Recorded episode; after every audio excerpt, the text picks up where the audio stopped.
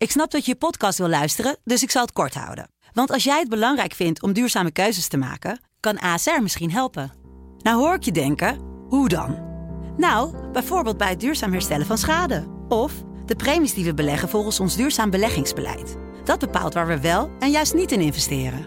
Wil je meer weten over welke duurzame keuzes ASR maakt? Ga dan naar asr.nl slash duurzame keuzes. ASR doet het. Zo, dan kan je nu lekker naar je podcast luisteren.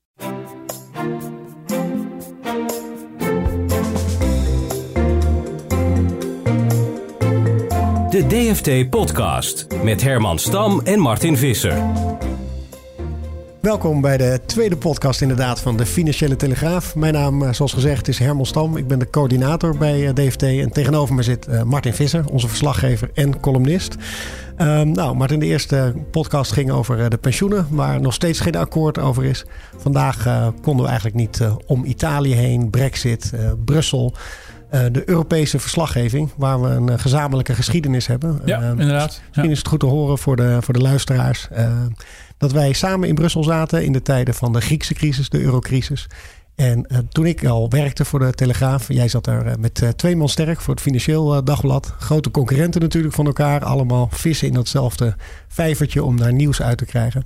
En nu staan we weer, nou ja, misschien dat kan jij misschien beter beantwoorden aan de vooravond van een nieuwe crisis of niet. Hoe voelt het zo erg als toen destijds dat we door die gangen liepen tijdens de Griekse crisis? Nou, nog niet helemaal. Nu zitten we natuurlijk ook meer op afstand dan toen. Toen zaten we met onze neus erbovenop.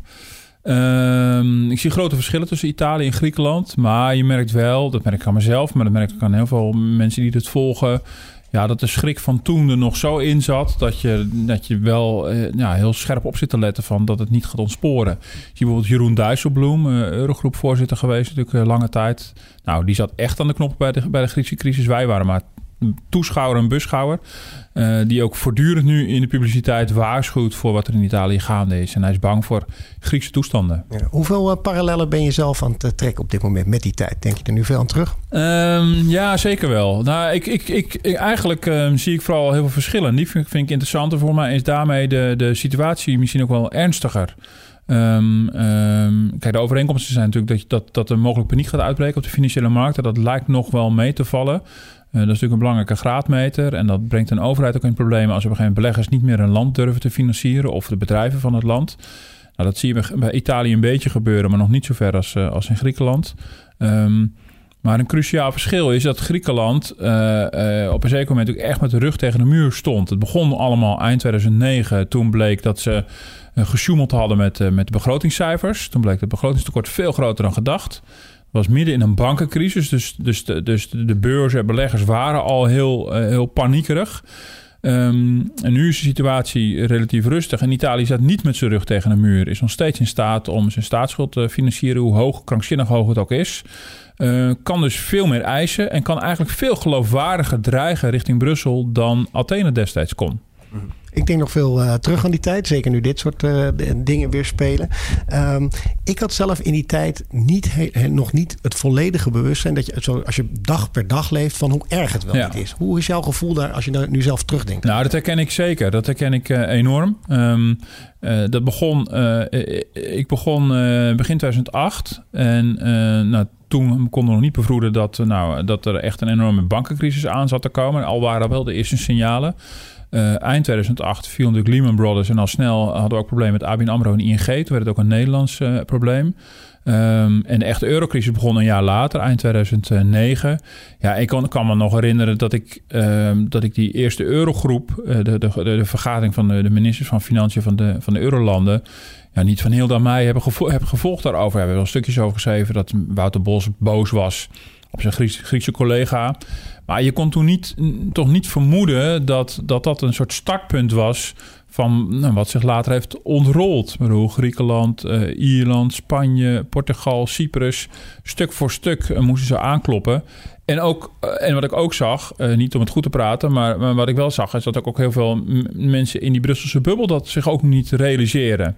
Die wisten natuurlijk ook niet wat hun, wat hun te wachten is. Dat was ook, ook helemaal nieuw. Ja, dus in die zin, uh, uh, en daar komt denk ik ook de, de, met je de, de pappen en nat houden strategie vandaan in Europa. Dat mensen ook dachten, ja, we, we, we, repareren nu maar dit probleem en dan zien we wel weer of er een volgend probleem komt. Nou, die, die kwamen er in grote getalen. Uh, het ene naar de andere land. En zelfs Griekenland is tot het einde toe is het steeds een probleem gebleven. Ja. Um, zullen we straks nog iets meer terugblikken erover? Zullen we eerst beginnen om het probleem te ontleden? Wat is er nou precies aan de hand met Italië? Ja. In jou. Um, nou, met Italië is. Um, het begint natuurlijk mee dat Italië een veel te hoge staatsschuld heeft. Um, 130% ongeveer van het bruto uh, binnenlands product, dus van de totale uh, Italiaanse economie. Uh, ter vergelijking, Nederland zit al zo rondom, rondom de 50%. en de norm in Europa is 60%. Nou, daar zit Italië heel erg ver vandaan, altijd al. en nu is de bedoeling dat als het met de economie relatief goed gaat.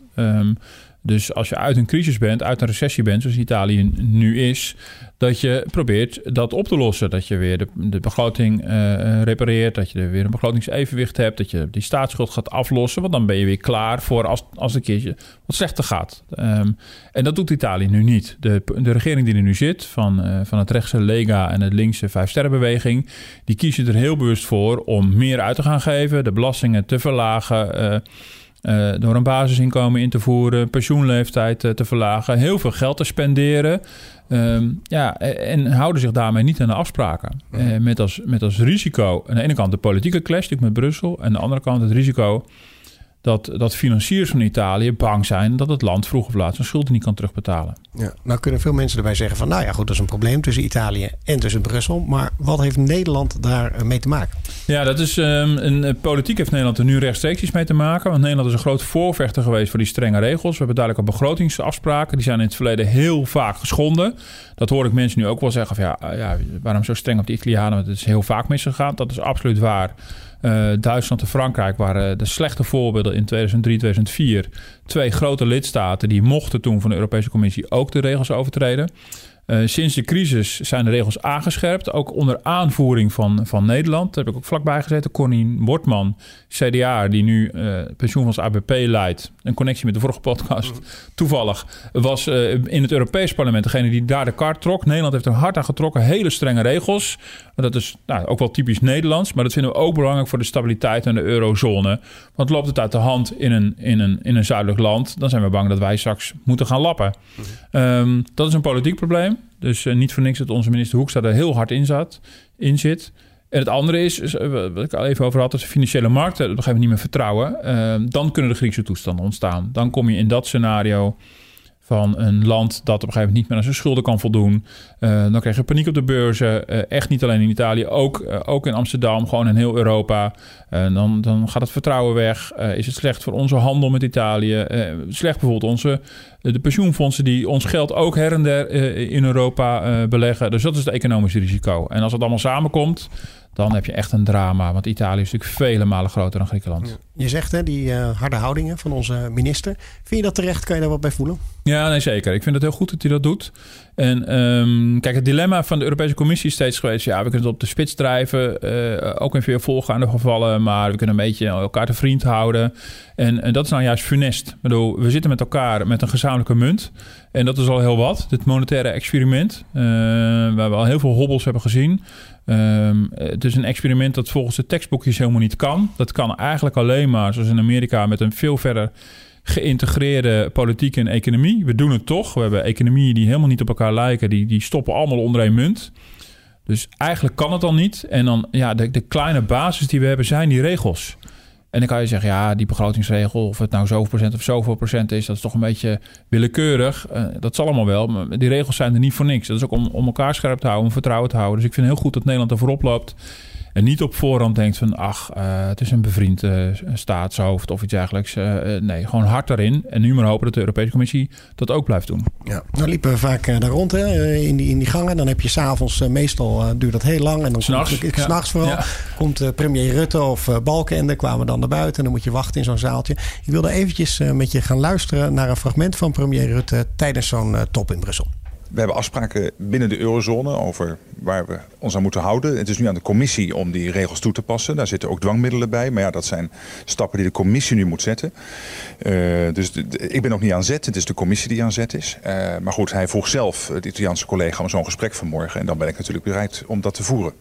Ja, Rutte heeft het over een één-op-één gesprek ook... wat hij met de Italiaanse premier heeft gevoerd. Maar hij houdt zich ook een beetje afstandelijk. Hij legt de bal echt meer in Brussel. Ja, nee, zeker. Dus die, die, die, die, keuze wordt ook wel gemaakt. Kijk, soms dan, dan zeggen Nederlandse ministers ook iets om, het eigen publiek te bedienen. Uh, dus het is echt niet zo dat ze dat alleen maar doen om het Europese spel te beïnvloeden. Dat zien we natuurlijk ook vaak genoeg. Wat je natuurlijk zegt, hè, we hebben vaak in die perszaaltjes gezeten, soms uh, midden in de nacht. En dan, uh, en dan werden de Nederlandse journalisten bijgepraat. In de loop van de eurocrisis gingen er steeds meer buitenlandse media ook in die zaaltjes zitten. Dat weet je natuurlijk ook nog wel. dat de, de, de, de stevige toon van Nederland ook in de buitenlandse pers wel op, opgemerkt werd. Um, en het is, wat, je, wat je hier denk ik hoort, is toch een beetje de strategie van een beetje duwen en weer aantrekken. Af en toe even flink, flink uithalen. Dat heeft minister Hoekstra bijvoorbeeld gedaan. En op andere momenten ook de Europese Commissie zijn werk kunnen laten doen. Want ja, je bent er niet op uit om alleen maar te clashen om het clashen. Dat heeft natuurlijk niet zoveel nut, want je moet toch wel weer met elkaar verder. Ja, vertel even de, de, voor de mensen zelf, hè? want het is altijd moeilijk een voorstelling van te maken. Dan is zo de, de, hele nacht vergaderen klaar. En dan krijg je in al die zaaltjes regeringsleiders die daar de, hun pers te woord gaat staan. Ja, ja, zeker bij die crisisvergaderingen die dan heel lang duren. Inmiddels is het niet altijd meer zo. Nou, rondom de brexit zijn in die gevallen natuurlijk nog wel geweest. En, eh, en als het uit de hand loopt, gaat het weer terugkomen. Maar echt in die eurocrisis duurde het echt tot diep in de nacht. Had niemand enig idee hoe lang het, hoe lang het zou zijn.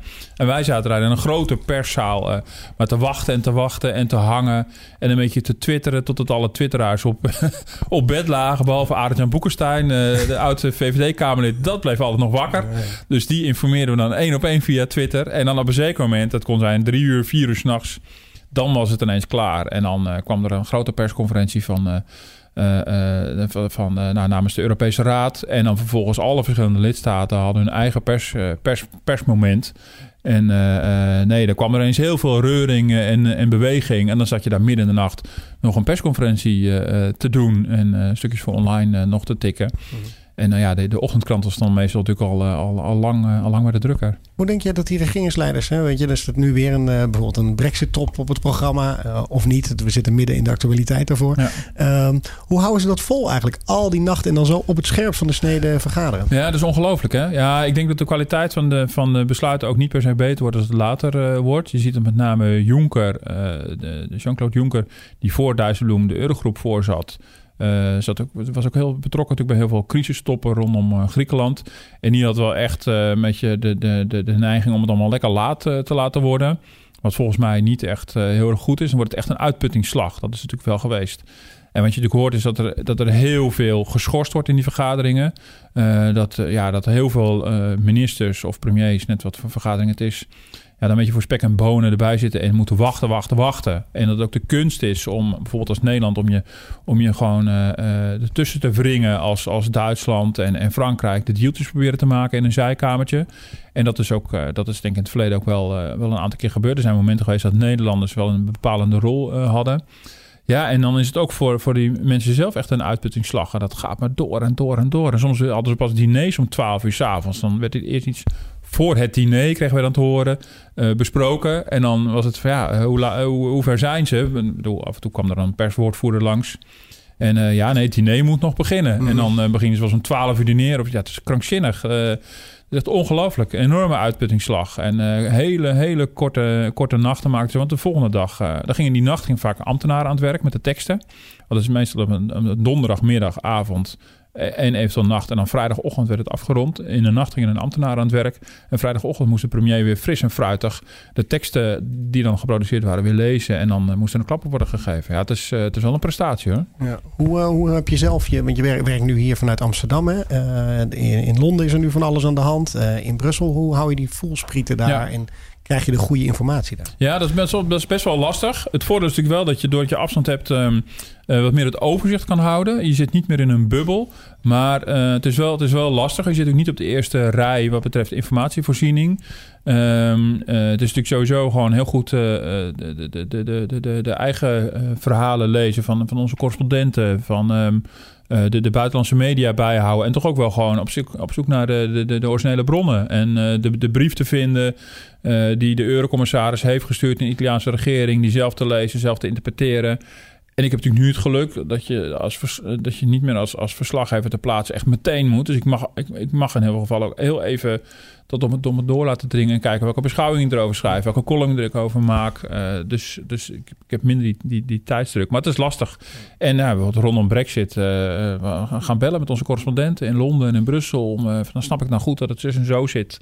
Begrijp ik dat nou? Want als ik dan vervolgens iets van moet vinden op een video dan wil ik wel dat het feitelijk allemaal klopt. Uh, en, uh, nee, dat is, best, dat is best wel een lastiger werk dan wanneer je er echt dag in dag uit middenin zit.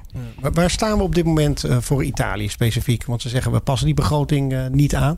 Nee. wat, is nu, wat zijn de vervolgstappen? Ja, nou, en dan gaat de Europese Commissie op korte termijn zeggen wat, hoe ze verder gaan. En dan helemaal aan het eind van de rit gloort er dan de boete. Dat zou dan de eerste boete zijn ooit uitgedeeld voor een overtreding van de begrotingsregels. moet maar zien of het zover komt. Maar daarvoor moet Italië eerst eerst een officiële procedure. Dat is de buitensporige tekortprocedure, zoals het heet.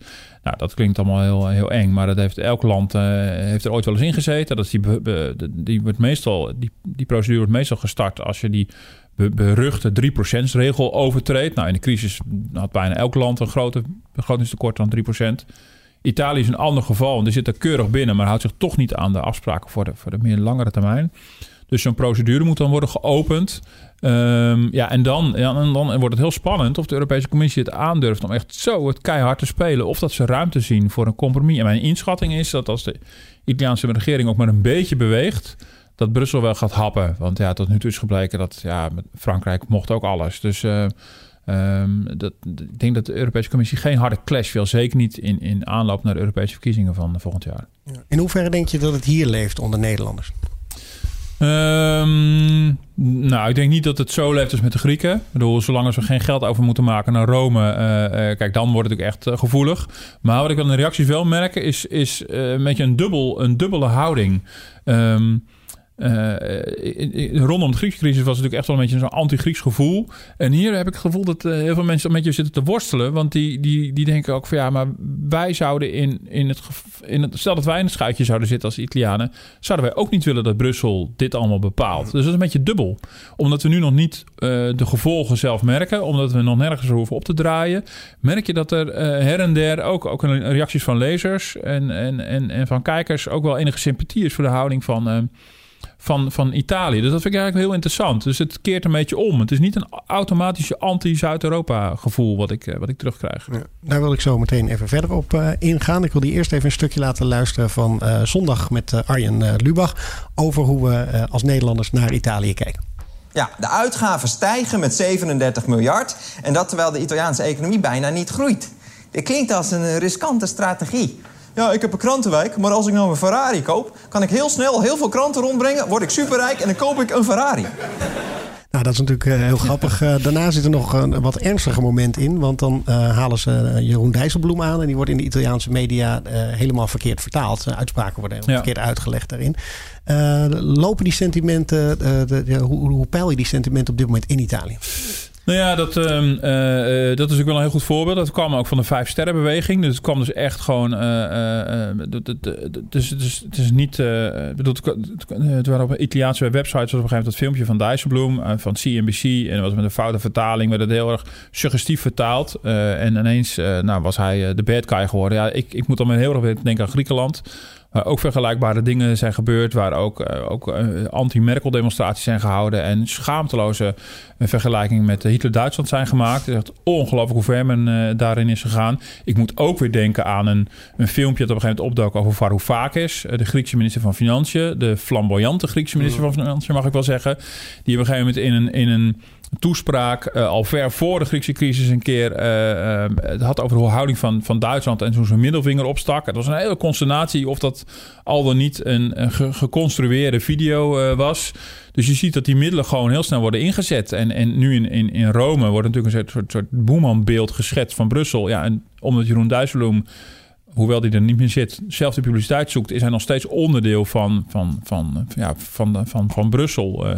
Uh, ja, en dan wordt dit gewoon, uh, gewoon schaamteloos uh, ingezet. En het voelt natuurlijk heel erg het anti-Europa-sentiment. Ja, je stipte dat net ook al even aan hoe dat hier in Nederland leefde. Dat we daar misschien best sympathie voor kunnen hebben van waarom moet Brussel van alles voor ons bepalen.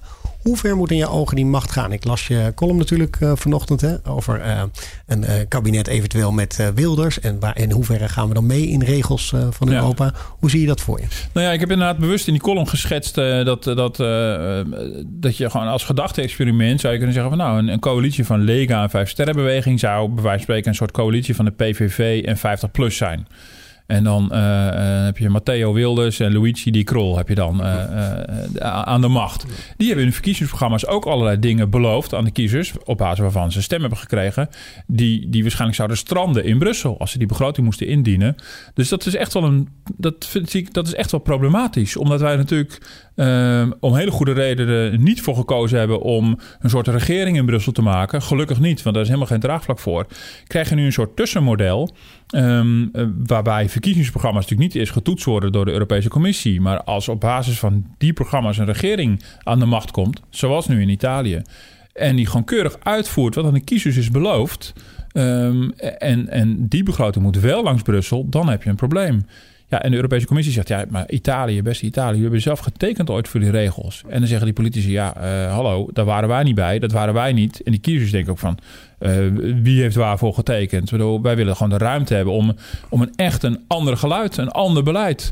En dat is, vind ik wel problematisch aan hoe we nu de euro hebben ingericht. Ik denk uiteindelijk ook dat die die begrotingsregels op deze manier ook niet houdbaar zijn. En dat je echt naar een heel ander model zal moeten. Maar voorlopig uh, zie ik dat niet gebeuren.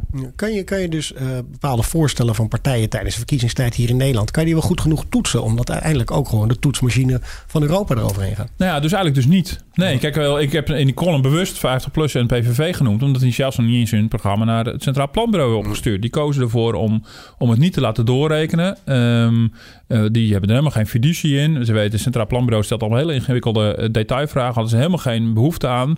En uh, dus, dus ja, en dan is het gewoon legitiem. Dat is hun eigen keuze. Dat mag ook allemaal. En dan moet de kiezer maar bepalen of ze het dan al dan niet geloofwaardig vinden. Die, die, die plannen. Ja, dit is, dit is, het lijkt me niet op te lossen. Want als je dit helemaal alles onder Brusselse regelgeving gaat stoppen, dat lijkt me dat, lijkt me dat zeer onwenselijk. Maar je zit dus nu in de situatie dat je wel regels hebt, ze eigenlijk bijna niet handhaaft. Uh, dat ze die regels ook eigenlijk niet goed uit te leggen zijn. Uh, ja, en nu heb je echt een, een, een, frontale botsing van een nationaal electoraat op een, op een Europese bestuurslaag. Dat is een botsing van twee democratieën. Uh, ja, dat, dat is eigenlijk heel onwenselijk. En dat toont voor mij opnieuw aan hoe, hoe slecht doordacht dat euro-project is. Ja. Zullen we ook even daar, uh, nu we het over het stelsel van de euro hebben, naar een fragment luisteren van, van een Italiaan, hè, Mario Draghi, de, de, de president van de ECB, die zijn eigen land in vrij harde bewoordingen voor zijn doen uh, even waarschuwt. I think there are the first answers, maybe, I mean, there may be other answers, but the first answer come to mind is first of all, reduce the tone and, uh, and uh, don't question the constitutional existential framework of the euro. And the second is reduce the spreads. So uh, do policies that lead to a reduction in the spreads.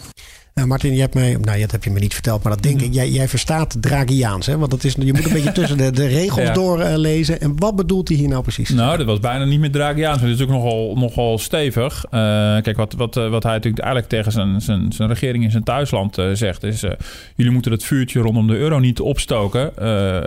matig je toon een beetje. Um, en, ja, en hij zegt ook van nou, kijk uit voor het oplopen van de spreads. Nou, de spread is dus de, rente die de Italiaanse overheid moet betalen op op zijn eigen staatsleningen. Dus hoe hoger die rente is, hoe, hoe, hoe banger beleggers zijn dat het land misschien failliet gaat. En je zag de rente ook wel een beetje, met je, met je oplopen. Ja, ik vind dit, dit vind ik, wat, ik nu, wat je nu hoort, is echt problematisch. Dit is een centrale bankier, een niet verkozen uh, technocraat. Uh, ook prima dat hij niet verkozen is. Een centrale bankier moet een onafhankelijke rol hebben. Maar die gaat nu een, een democratisch verkozen regering de les lezen. Die gaat zeggen dat een democratisch gekozen regering geen vraagtekens mag stellen bij de fundamenten van de euro. Uh, mij lijkt bij uitstek dat, dat als, een, als een politicus aan zijn kiezers een mandaat heeft gevraagd op basis van van anti-euro eh, geluiden, dat je dat wel degelijk mag doen. Ja, je kan het onwenselijk vinden. Mij lijkt dat meneer Draghi dat niet moet, die moet gewoon keurig uitvoeren waarvoor die is aangenomen. Maar hier zie je wel hoe, hoe enorm het gaat wringen. En we hebben tijdens de eurocrisis ook al momenten gezien dat centrale bankiers zich rechtstreeks gingen bemoeien in de eurocrisis heeft op een zeker moment de Europese Centrale Bank toen nog richting um, Berlusconi. Op een gegeven moment was Trichet, de voorganger van Draghi, een beroemde fax gestuurd. Waarin hij precies had uitgelegd welk hervormingsbeleid Berlusconi moest uitzetten. Wilde de ECB dan Italië blijven steunen? Nou, dat is een situatie waar je eigenlijk helemaal niet in terecht wil komen. Rond zijn benoeming was er nogal angst, omdat het een Italiaan zou zijn. Dat hij, dat hij juist niet zo hard en uitgesproken zou zijn tegen de zuidelijke landen. Hoe belangrijk zijn nou die poppetjes in zo'n crisistijd? Weet je? We hebben het over het systeem gehad, maar de, de, de figuren zelf die op dat moment er zitten. Ja, die zijn natuurlijk wel heel, heel, heel cruciaal. Even nog even los van die, van, inderdaad, van die nationaliteit. Dat, het, ja, het, wordt ook echt wel door mensen gedragen. Is ook echt wel mensenwerk. En in zo'n crisistijd zijn wel mensen van, van, van groot belang. Um, uh, ik noemde al dat in, in, in, de crisis ook een aantal Nederlanders een belangrijke rol hebben gespeeld. Nou, een, een, een, een, Nederlandse topambtenaar was in 2010 uh, de bedenker van het Europese noodfonds, wat toen in allerijl is opgetuigd. Dat was een tijdelijke constructie. Uh, die man werkt inmiddels bij de Europese Commissie. Dus daar zit echt de handtekening van een Nederlander uh, op. Hm. Um, uh, en het is natuurlijk wel heel bepalend. En je ziet hoe, hoe belangrijk Angela Merkel is geweest als bondskanselier van Duitsland. Die eigenlijk de leider van Europa is. Door de boel bij elkaar te houden. Misschien af en toe wat softe teksten. Maar die, die hield wel echt letterlijk de boel bij elkaar. En dan had Nederland had weer de ruimte om af en toe een beetje tegen schenen te trappen. Nou, we weten Jan Kees de Jager die erop voor stond dat hij, dat hij gewoon lekker lomp was. Uh, die zei dat ook letterlijk in een interview. I'm Dutch, so maybe blunt. Ik ben mm. Nederlands, dus ik mag een beetje lomp zijn. Ook een beetje een gekke uitspraak, maar ik, ik, ik, snap het wel. En daar genoot hij van mij ook van. Mm. Dus die personen zijn heel belangrijk. En die moeten wel echt on speaking terms blijven. Opnieuw Griekenland, Varoufakis en Dijsselbloem. Nou, dat was geen match made in heaven. Ja. En dat heeft natuurlijk wel heel, heel lastig gemaakt om de Griekse crisis op te lossen. Dus daarom dat er nu in Italië natuurlijk met meneer Salvini uh, iemand zit die echt gewoon met gestrekt benen ingaat, maakt het natuurlijk wel lastig om eruit te komen. Ja. En Rutte zijn rol? Nou, Rutte is uh, nou, toch wel echt, dat zien we natuurlijk in Nederland ook en in Brussel ook iemand die wel heel goed in staat is om compromissen te sluiten. Nou, in Nederland zien we natuurlijk bij uitstek. Hij kan met iedereen zo'n beetje regeren. dat is ook een gave. Uh, dat maakt hem misschien inhoudelijk af en toe een beetje uh, flats en vlak. Want hij wil vooral geen visie hebben. daardoor kan hij wel echt met iedereen in zee. Want dan kan elk beleid verdedigen. In Europa is het heel handig. Misschien niet als vertegenwoordiger van Nederland. Wel als je bijvoorbeeld de, de, de, Europese Raad voorzit. Niet voor niks zijn er veel geruchten over zijn mogelijke overstap naar Brussel. Nou, het is zeer de vraag of, dat, of die geruchten allemaal waar zijn. Maar ik denk dat hij dit heel erg zou kunnen. Um, dus je ziet uh, Rutte ook wel een beetje schipperen. Het ene moment is hij uh, heel stevig over, over Europa. En de laatste maanden zie je dat zijn toon heel erg verandert. En die, dat hij bindend is. Senioriteit telt daar. hij is een van de langzittende regeringsleiders. Dus in de, in de anciëniteit zit hij echt heel hoog in de rangorde ja, misschien hoort daar ook die verbindende rol wel, uh, wel meer bij. Ja, snap je dan ook van mensen die zien dan vooral Brussel en dan hebben ze het al snel over Jonker bijvoorbeeld. Van oh mijn god, uh, de man, die, wat doet hij? Zit hij aan de drank of niet? ja. Uh, snap je dat soort... nou zeker, nee, ja, ik snap ook. Ik, ik, ik, ja goed, ik krijg wel eens te verwijt dat ik te hard erin ga tegen, tegen Jonker. Maar ik vind het echt ik vind het een heel slechte zaak dat zo iemand als hij daar op die cruciale positie zit. Hij is voorzitter van de Europese Commissie nog eventjes. Nog even los of hij nou wel of niet een alcoholist is. Maar die man is natuurlijk geen visitekaartje voor Europa. Dat, is, dat, dat kun je toch rustig stellen. Mhm. En uh, hoe belangrijk is het juist nu in de afgelopen jaren, nu, nu er veel meer vragen zijn over die Europese samenwerking, meer dan ooit dat er ook iemand staat die ook gewoon flair heeft, die, die charisma heeft, die uitstraling heeft, die ook gewoon uh, over, over de nationaliteiten heen uh, in staat is om, om, uh, om te verbinden. Ik bedoel, ook al ben je niet voor Europa, is het toch wel, ik bedoel, je wilt toch dat, dat verhaal toch wel horen van iemand die je potentieel kan overtuigen. En dit is, ja, dit is iemand, dit is een technocraat. Het is, dit is echt een heel, dat vind ik echt heel slecht dat iemand daar zit die, die daartoe niet in staat is. Want ja, van onze ja, van, onze, van, ja, van heel veel ministers hoef je het meestal niet te hebben. Die hebben er vaak belang bij om puur ons eigen belang te verdedigen. Dus ja, je zou er toch een ander iemand willen, willen, willen hebben. Europa staat er heel slecht op, mede door zijn optreden. Uiteindelijk, hè, in die, in die ver van bed show voor de meeste mensen gaat het toch uiteindelijk om, om uh, de bevolking zelf. Ik denk dat we het erover eens zijn dat die daar het minst geraakt door moeten worden door slechte beslissingen. Ja. Ik wilde eventjes, uh, we hebben ook af en toe contact natuurlijk met onze correspondent op allerlei plekken. En onze Italiaanse correspondent uh, Maarten van Aalder even aan het woord laten. Tegelijkertijd uh, is het ook zo dat er hier de afgelopen jaren 650.000 um, illegale migranten zijn gekomen. Ook toen heeft Italië zich uh, alleen gelaten gevoeld, in de steek gelaten gevoeld door de andere, Europese Unie, door de andere landen van de Europese Unie. Uh, dus um, daarom is het wantrouwen gegroeid. Men ziet Brussel steeds meer als een keelbureaucratisch instituut. Uh, met uh, strenge rekenmeesters die geen rekening houden met het feit dat Italië economische problemen heeft en zich in de steek gelaten heeft gevoeld door de immigratiekwestie. Ja, Maarten stipt niet alleen uh, de financiën aan, maar hij noemt ook uh, immigratievraagstukken. Ook iets wat in de brexit uh, vaak naar voren kwam om reden om juist Europa te en Griekenland ook. Ja, in hoeverre is dat van belang in deze hele discussie? Nou, dat is zeer van belang. Kijk, bij de brexit gaat het natuurlijk vooral over de arbeidsmigratie vanuit Europa zelf. Poolse bouwvakkers, om het simpel samen te vatten. er was rondom de brexit natuurlijk wel heel veel gevoeligheid rondom. de toenmalige premier Cameron bracht het ook heel nadrukkelijk op. Dat was een belangrijke drijfveer daar en eh, eh, de Britten waren natuurlijk altijd al erg eurosceptisch. Eh, bij Italië en ook bij Griekenland speelt ook vooral het punt van, van de migranten, de, asielzoekers. Um, dat zij natuurlijk, omdat zij de buitengrens van Europa bewaken aan de, aan de zuidkant, krijgen zij natuurlijk te maken met heel veel vluchtelingen.